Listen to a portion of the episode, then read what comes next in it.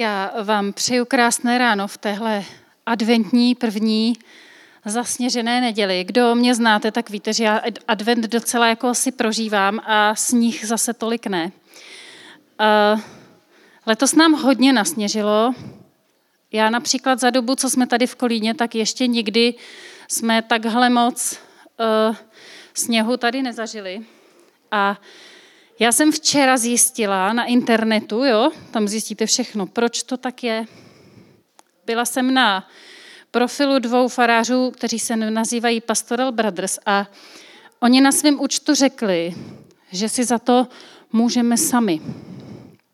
Protože v Bibli se píše, že kdyby vaše hříchy byly jako šarlat, zbělejí jako sníh, takže hodně hříchů, hodně sněhu, takže jsme letos hodně zlobili a tudíž hodně nasněžilo tak jsem jim tam připsala komentář, že teda jako jsem si to vůbec takhle nespojila, jo. A aniž jsem to věděla, že to jsou zbělený hříchy, tak jsme z toho stavili s dětma sněhuláka. Tak teď nevím, co jako přesně si s tím počít. A každopádně máme roztátý hříchy teď všude v předsíni. Uh, máme tedy novou sérii Vyměň Ježíška za Ježíše. To je hrozný to nesplést, jako když to takhle člověk má říct. Jo. A, a že místo ponožek a telefonu si rozbalíme nějaké jiné věci. Jo?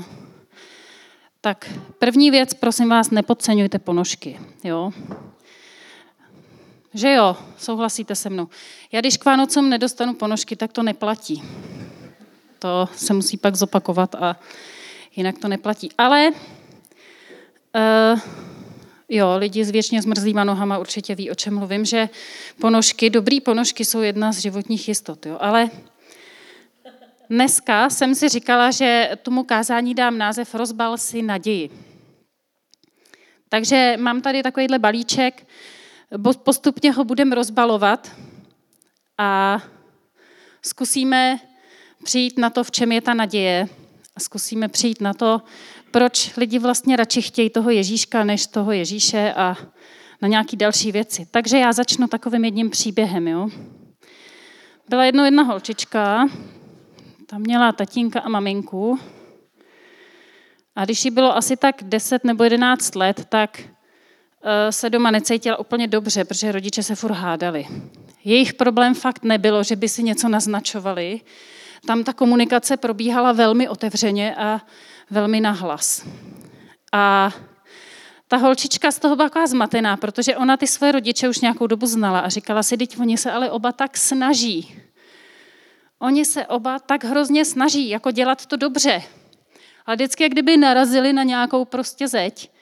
A všechny ty dobré věci, které ví, že by se měly a že by se naopak neměly, třeba, oh, tak najednou zase se to celý rozbije a je z toho nová hádka. No, a jednoho dne přišla jí maminka s tím, že uvěřila, že do svého života pozvala Boha a že začíná znovu. A jedna z těch věcí, které se rozhodla udělat, je, že je odpustí, což se projeví tak, že už nebude nikdy připomínat ty věci, co už byly. A nebude je zase vnášet znova do té přítomnosti. A najednou ta holčička fascinovaně sledovala, jak se atmosféra v rodině mění a jak najednou bylo možné dostat se za ty zdi, za ty limity. Tam, co to dřív prostě nešlo, tak to najednou začalo být dosažitelný. A tím, jak eh, se ta rodina, ten rodinný příběh jako změnil, teď nezačnu, prosím vás, tahat duhy a jednorožce, že od té doby žili všichni šťastně až do smrti. Jo. Ono, když se to takhle řekne ve dvou větách, tak vždycky ten příběh vypadá jako wow. Ale ten příběh ve skutečnosti se skládá z těch jednotlivých dní, kdy se ty věci někdy povedou, někdy ne, ale najednou jsou v tom ty východiska. Najednou prostě je v tom ta možnost, že to může fungovat. No a já vám určitě nemusím říkat, že ta holčička jsem já z toho příběhu. A to, co mě na Pánu Bohu fascinuje pořád nejvíc do teďka je, jak on dokáže vstoupit do příběhu nějakého člověka a vzít tě někam, kam bys sám se svojí povahou, se svojí minulostí, se svými schopnostmi, dovednostmi a znalostmi nikdy nedokázal dojít. To je to, co mě nejvíc na Pánu Bohu fascinuje až do dneška. A i ta první svíčka, kterou na konci budem zapalovat, když se mi povede škrtnout zápalku, tak ta, já si to vždycky musím vyhledat, jo. Nevím, jestli vy už si to všichni pamatujete, jak se jmenují ty adventní svíčky. Já si vždycky říkám, že už si to fakt zapamatuju. A jak jsem schopná si pamatovat, kde jakou blbost, jako, tak tohle to si vždycky znova musím jako vygooglit. Takže kdo ví, jaká je to svíčka? Naděje, správně. Je to svíčka proroků. A nese naději, protože ta naděje spočívá v tom, že Bůh sám řekl, že jednou se osobně prostě bude účastnit toho příběhu dějin lidstva. To je ta naděje. A oni si to připomínali uh, už dávno. Jo? Například verš. Lid, který chodí v temnotách, uvidí veliké světlo. Slavko, nenapovídej. Slávka to potom zaspívá v písni, víte. Nad těmi, kdo sídlí v, šere, v zemi šeré smrti, zazáří světlo. A teď prosím vás, je nejdřív lehká otázka, kdo to řekl tady to? Nějaký prorok, dobře. Izajáš. A teď těžká otázka, kdy tak asi to řekl? Kdo tak jako tuší zhruba? 600? 700? No, tak nějak. Takže ještě 600 až 700 let předtím, než se ta událost vlastně stala, tak on o tom jako mluvil. A pak ještě pokračoval dál, jako co, co tím jako myslí.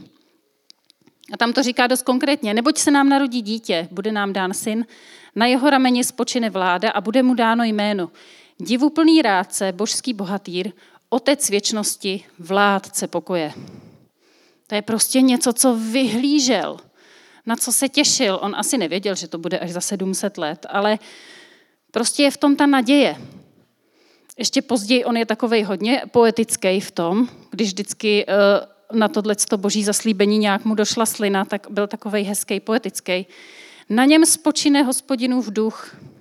Duch moudrosti a rozumnosti, duch rady a bohatýrské síly, duch poznání a bázně hospodinovi. Bázní hospodinovou bude protchnut, nebude soudit podle toho, co vidí oči, nebude rozhodovat podle toho, co slyší uši, nýbrž bude soudit spravedlivě, bude rozhodovat podle práva. Prostě všechno bude tak, jak to má být, protože Bůh sám se začne účastnit příběhu lidských dějin. A na tohle se čekalo celý starý zákon a v tom byla ta hlavní naděje lidstva. Já teď trošku přeskočím. Eh, my máme poradenskou aplikaci Zeptej se a na mě jednou vyšla takováhle otázka. Eh, zajímám se o různé víry, psal tam asi 14-letý kluk, a o různá náboženství. Už jsem si něco nastudoval o islámu, něco o hinduismu, teď se mi nejvíc zamlouvá buddhismus. Řekněte mi, proč bych se měl zajímat o křesťanství? Je něčím výjimečné? To byla výborná otázka, mně se to strašně líbilo. Čím je křesťanství výjimečné? Proč by člověk se měl, když už má načtený všechny ty náboženství, jo, a všechny ty náboženství jsou v něčem stejný, všude je tam nějaký hodnotový systém, nějaká morálka, nějaká společenská pravidla. V tom jsou si docela ty náboženství i podobná. Jo. Akorát, že jeden velký rozdíl, který já jsem mu nakonec i napsala, že v tom já vidím, a Jeden velký rozdíl spočívá v tom, že různá náboženství a konec konců třeba i takzvaná pozitivní psychologie počítají a předpokládají, že člověk někde hluboko uvnitř je dobrý. A že když mu teda dáme dost toho poznání třeba, když toho dost nastuduje, když toho dost pochopí, rozklíčuje, když to dostatečně jako rozebere, když to dostatečně natrénuje a prodejchá, tak nakonec to dobro v něm jako převáží a dobře to dopadne. A já si myslím, že křesťanství nám říká něco úplně jiného. Náboženství nám říkají, že když půjdeme dost hluboko, tak někde v sobě uvnitř najdeme Boha. Bible nám říká, že až teprve Pán Bůh vstoupí do tvého příběhu, tak v něm můžeš najít sebe. Že ta cesta je vlastně opačná. A já si myslím, že tohle je hlavní důvod, proč u nás preferujeme toho Ježíška, když je malej, bezbraný a potřebuje náš soucit a plenčičky. A protože to z nás dělá jako dobré lidi, že jo? My jsme ty hodní, co mu jako pomůžou, co mu jako projeví ten soucit. Jenže Ježíš konfrontuje naši píchu a říká, možná ve skutečnosti nejseš tak dobrý. A možná ve skutečnosti doopravdy potřebuješ, aby pán Bůh se zapojil do tvýho příběhu. A Bible nám to netají. Mně se líbí, že už v prvním příběhu Bible, kdež, když, kde se vyskytne člověk, tak vidíme, že si nelze dělat velké iluze. Člověk je v zahradě, má všechno. Má tam dokonce i nějaký úkol, takže má nějaký smysl, má proskoumat všechny ty zvířata, pojmenovat je přírodu a tak dále. A je tam ta jedna věc. Jeden strom, jednu věc nejes. Jako chápu, jo? Každý z vás, kdo měl někdy nějaký dietní omezení, je to těžký, jo? Láďo, nesměj se. Ale vykládejte tohle člověku, který má intoleranci na kde co, jako jo, a ze svého jídelníčku navždy musel prostě eh, vyhodit mraky věcí, že by nezvládli jedno ovoce vynechat, jako. Dobře, tak ještě neměli řízky a bramborový salát, jako jo, ale přece jenom jedno ovoce. A to přece není nepřekonatelný problém. Já si pamatuju, když jsem tenkrát se léčila ještě s tou slinivkou, tak kromě těch uh, věcí, co by člověk očekával, že se nesmě jíst, jako jsou ty mastný a tučný a, a čokoláda a cukroví a takovéhle věci, tak se nesmělo jíst ani ovoce, které obsahovalo nějaký drobný šlupičky nebo pecičky. Jahody, maliny, borůvky, protože to by tam někde jako mohlo špatně odbočit a mechanicky nějak podrážit tu slinivku a všechno to spustit na novo. Takže já jsem četla ten seznam a říkám, jako vážně, já bych si tak přála, aby mi někdo zakázal jediný ovoce teda v tuhle chvíli. A přesto, jo, mám tady, mám tady to jablíčko takhle. Tak, my jsme to teda svedli na jablíčko, my nevíme, co to bylo za ovoce, jo, ale... Ale mně to přijde takový typický. Já když se o tom bavím s dětma ve školách, tak říkám, víte, co je hrozně zábavný, že prostě, když se stane nějaká situace, tak je vždycky snaží si vybrat tu špatnou možnost, než tu dobrou. No, teď se jako někdo tam běhá po té třídě, schodí ti ty věci z lavice, jo. To je tak snadný začít nadávat, říkat prostý slova, strkat se, jako to je hrozně lehký. Oč těžší je prostě si vymyslet tu větu, prosím tě, lítáš tady, strkáš mi do toho, mě to vadí, prostě uh, nějak se domluvit. Je vždycky těžší. Vždycky je lehčí něco rozbít, než to postavit, vždycky je těžší naslouchat a domluvit se a vyřešit problém. Snaží je třeba odejít a vykašlat se na to, že? Takže to je pořád to stejný. Kdykoliv je na výběr, tak bývá lehčí zvolit si špatně. A za druhý, pán Bůh potom přichází a zjišťuje, co je za problém. A co stane se co? Člověk se začne vymlouvat a říkat, to já ne. To přece není moje vina. Za to přece nemůžeš jako vinit mě. A mně to připadá, že to je taky pořád stejný. Že v dnešní době se dá uh, taky furt nějak člověk hledá, kdo vlastně může za to, že se má v životě špatně. A najdeme spoustu důvodů, Nej, nejvíc typická je samozřejmě tvoje máma. Mámy můžou za všechno, takže tam se vždycky můžeme s důvěrou obrátit, ale hledáme prostě vyníky. Proč tohle nejde a proč tady to nejde a proč tohle nemůžu a tak dále. A je to zase to stejný od začátku. Jeden rabín dokonce tvrdí, že člověk nepřišel o svůj ráj proto, že snět nějaký ovoce, ale že přišel o svůj ráj proto, že nepřevzal zodpovědnost za svoje chování a nepostavil se k tomu čelem. A říká, kdykoliv ve tvém životě dokážeš převzít zodpovědnost za svoje jednání, získáváš kousíček toho ráje na zpátek. To se mi líbí. Ale není to to nejdůležitější, co je v tom příběhu. Už v tom prvním příběhu na začátku Pán Bůh slibuje, že do toho příběhu jednou vstoupí a že přinese to definitivní východisko. Jako součást tohohle z toho příběhu o pádu člověka a vyhnání z ráje je to, že se jednou narodí syn, který to zase všecko dá do pořádku a který zvítězí nad vším zlým. A to je ta naděje, která je tam hnedka od začátku. V jedné vánoční písni se zpívá, jaký král by opustil svůj trůn v nebi, aby se zabydlel na zemi. A mně někdy připadá, že tím, jak se ten příběh rok za rokem opakuje, jak to čteme pořád dokola, tak se z toho jakoby ztrácí takové to kouzlo, jo? Ta, ta fascinace uh, toho, že pán Bůh fakt opustil nebe a přišel žít na zem.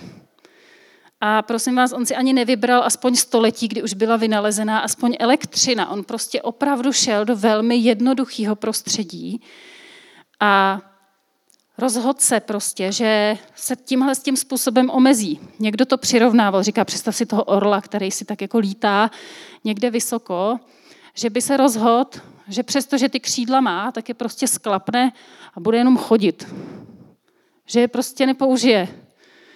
Že proto aby někoho zachránil, tak se vzdá tady toho, co ho vlastně dělá tím, kým je. Takže když vidím nějaký ptáky chodit po zemi, tak se na to vždycky vzpomenu. A takhle nějak to Ježíš udělal. Přišel, aby se stal cestou, pravdou a životem. A nejenom tehdy vstoupil do lidských dějin, on neustále vstupuje do lidských příběhů. Nečeká na ideální podmínky, nečeká na chvíli, kdy budeme eh, osobnostně rozvinutí a zralí a šikovný a hodný. Vstupuje tam, kde jsme. Nejčastěji jsem říkala, že Pán Bůh vstupuje do příběhu, kde jsme si to my sami pokazili a kde si za to sami můžeme. A nejčastěji nás Pán Bůh zachraňuje před námi samotnými. A jemu to nevadí. On prostě to takhle má, že přišel, on není jako překvapený, že, že by jako uh, si řekl, jej Damane, no to kam jsem to vlez, tak já zase radši jdu. Ale je připravený vstupovat do našich příběhů a brát nás tam, kam bychom nikdy sami nedokázali dojít. Tak, kam bychom nikdy sami nedokázali dojít, a tady mám takový letadílko, jo, že nás pán Bůh vezme vezme až dál na tu cestu. Tak. Takže eh, Pán Bůh vstupuje do těch lidských příběhů. Já jsem tady ještě jenom tak pár příběhů mě napadlo, jenom když jsem nad tím přemýšlela. A vzpomněla jsem si třeba na Ivu. Iva byla vždycky holka, která nebyla ničím jako výrazná, že by se někde spala dopředu. To byla prostě taková ta holčička z tábora, která je hodná. A přesto, když pán Bůh vstoupil do jejího příběhu a dal jí tu výzvu, tak ona se rozhodla, že půjde do úplně odlišné kultury a stane se tam dobrou zprávou pro lidi, kteří tam žijí, ať to znamená cokoliv. A my všichni tak na ní jako koukáme a říkáme si, ty jo. Protože pán Bůh ji vzal někam, kde by ona neplánovala si jít. Myslela jsem i na jednoho pána z Vansdorfu, který pracoval v TOSu a byl radioamatér. Víte, jak dopad, když pán Bůh vstoupil do jeho příběhu? Stal se biskupem apoštolské církve. Nemyslím si, že to bylo to, že si jako doma někdy psal do deníčku, jednoho dne je můj sen se stát prostě biskupem církve. Myslím si, že takhle nepřemýšlel. Nevím to teda stoprocentně, někdy se ho možná zeptám, ale myslím si, že spíš je to tak, že pán Bůh ho prostě vzal a vzal ho na cestu a dovedl ho někam, kde on by si sám nikdy nemyslel, že bude. Hrozně se mi líbí jeden verš, kdy král David, když se mu zaspovedla nějaká bitva, tak tam je, že šel do chrámu, usedl před hospodinem a říká, bože, kdo jsem já? Kdo je dům mého otce, že si mě dovedl až sem? A já přesně s takovýmhle úžasem někdy jako tak se rozhlídnu kolem sebe a říkám, bože, jako já si tohle všechno ani nezasloužím. Ale ty jsi mě prostě vzal na nějakou cestu a vzal si mě někam, kde jsem si nikdy nemyslela, že budu. Já jsem vždycky říkala, a to byla pravda, já jsem vždycky říkala, že nikdy v životě nechci pracovat s pubertákama. mě děsily. Já jsem se jich všech strašně bála. A pán Bůh mě na tu cestu zavolal. A to ne až když nebylo zbytí a vyrostly mi děti, jo. ale on mě na tu cestu zavolal, když ještě náš Davídek byl teprve tříletý někdy. Jo. A já jsem si říkala, tohle to přece nikdy nemůže fungovat. A pán Bůh mě vzal dál, než já bych sama dokázala dojít. No, vidíte, jak jsem dopadla. Teď tam chodím každý den do těch škol. Zítra jdu do nějaký šestý B si s nima povídat o médiích a hrozně se na to těším. Takže když si dneska zapálíme tu svíčku, tak když si ji budete dneska rozbalovat, zapalovat doma, zkuste si u toho rozbalit naději. Zkuste si dneska Zkuste si dneska rozbalit naději a pozvěte Pána Boha, aby se stal součástí vašeho příběhu. Pozvete ho do své rodiny a do vztahů. Takže až budete doma zapalovat vaše svíčky, které nebudou takhle možná napínavý, tak rozbalte si u toho naději a pozvěte Pána Boha do svého příběhu, pozvete ho do té své rodiny, kde byste třeba potřebovali nějaký východisko. A někdo potřebuje si uvědomit, že by měl odpustit a někdo si potřebuje uvědomit, že by měl přestat očekávat a začít mluvit. A pán Bůh nám ty východiska dává. Pozvěte pána Boha na místa, kde je lid, který chodí v temnotách. Pozvěte ho někam, kde prostě už dlouho vyhlížíte nějakou naději. Kde jste jak Izajáš, říkáte si, možná to bude trvat ještě 700 let. Ale já chci mít prostě tu naději. A pozvěte ho taky, pozvěte ho taky na ty místa, kde jste si to sami pokazili a říkáte si, proč by mě pán Bůh měl eh, z tohohle zachraňovat, vždyť si za to můžu sama.